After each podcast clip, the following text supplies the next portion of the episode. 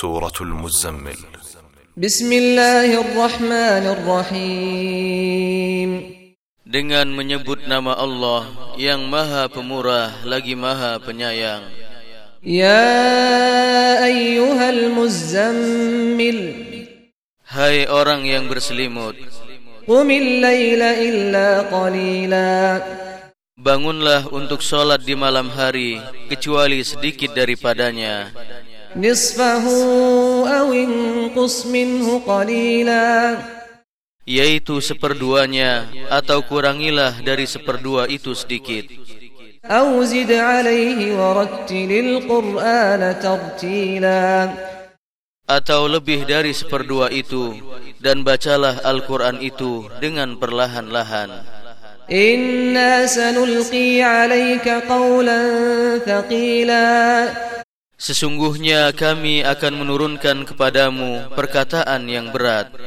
Inna nashi'atal layli hiya ashaddu wat'an wa aqwa muqila.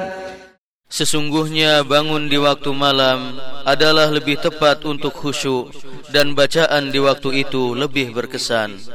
Inna laka fin nahari sabhan tawila.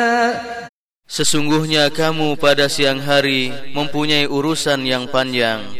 واذكر اسم ربك وتبتل إليه تبتيلا Sebutlah nama Tuhanmu dan beribadahlah kepadanya dengan penuh ketekunan.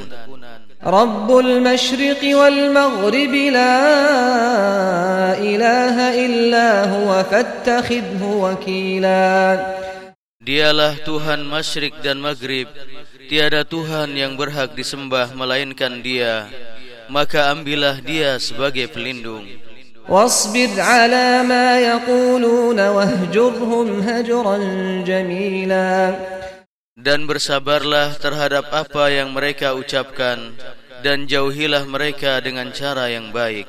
وذرني والمكذبين أولي النعمة ومهلهم قليلا Dan biarkanlah aku saja bertindak terhadap orang-orang yang mendustakan itu Orang-orang yang mempunyai kemewahan Dan diberi tangguhlah mereka barang sebentar إن لدينا أنكالا وجحيما Karena sesungguhnya pada sisi kami Ada belenggu-belenggu yang berat Dan neraka yang menyala-nyala وطعاما ذا غصة وعذابا أليما Dan makanan yang menyumbat di kerongkongan Dan azab yang pedih يوم ترجف الأرض والجبال وكانت الجبال كثيبا مهيلا Pada hari bumi dan gunung-gunung bergoncangan dan menjadilah gunung-gunung itu tumpukan-tumpukan pasir yang berterbangan.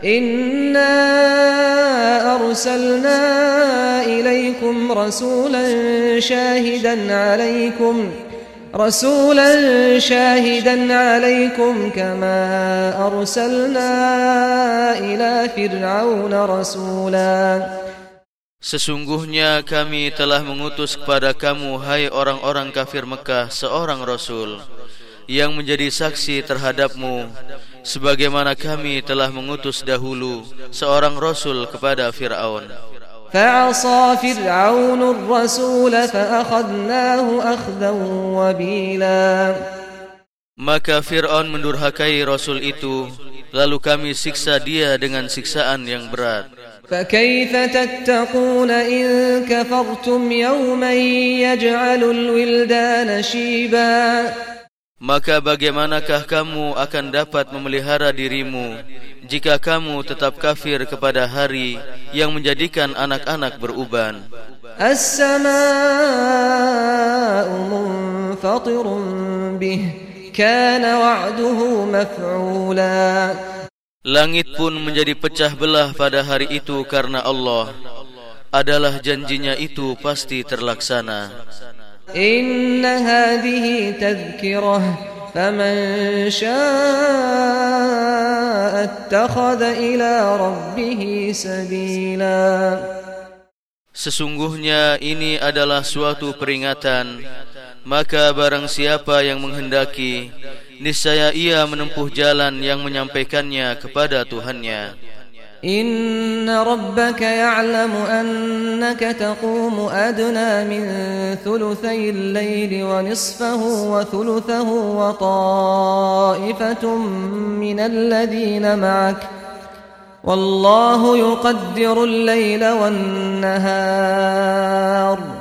علم أن لن تحصوه فتاب عليكم فاقرؤوا ما تيسر من القرآن علم أن سيكون منكم مرضى وآخرون يضربون في الأرض يبتغون من فضل الله وآخرون يضربون في الأرض يبتغون من فضل الله وآخرون يقاتلون في سبيل الله فاقرؤوا ما تيسر منه وأقيموا الصلاة وآتوا الزكاة وأقرضوا الله قرضا حسنا وما تقدموا لأنفسكم من خير تجدوه عند الله هو خيرا وأعظم أجرا واستغفروا الله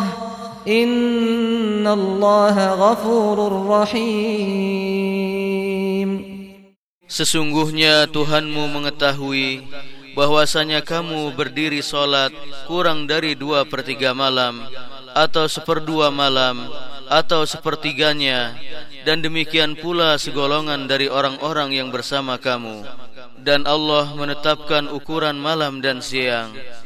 Allah mengetahui bahwa kamu sekali-kali tidak dapat menentukan batas-batas waktu itu. Maka dia memberi keringanan kepadamu. Karena itu bacalah apa yang mudah bagimu dari Al-Qur'an dia mengetahui bahwa akan ada di antara kamu orang-orang yang sakit dan orang-orang yang berjalan di muka bumi mencari sebagian karunia Allah.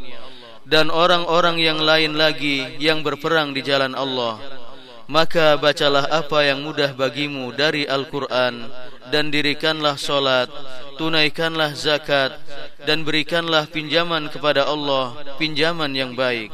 Dan kebaikan apa saja yang kamu perbuat untuk dirimu, niscaya kamu memperoleh balasannya di sisi Allah sebagai balasan yang paling baik dan yang paling besar pahalanya dan mohonlah ampunan kepada Allah. Sesungguhnya Allah Maha Pengampun lagi Maha Penyayang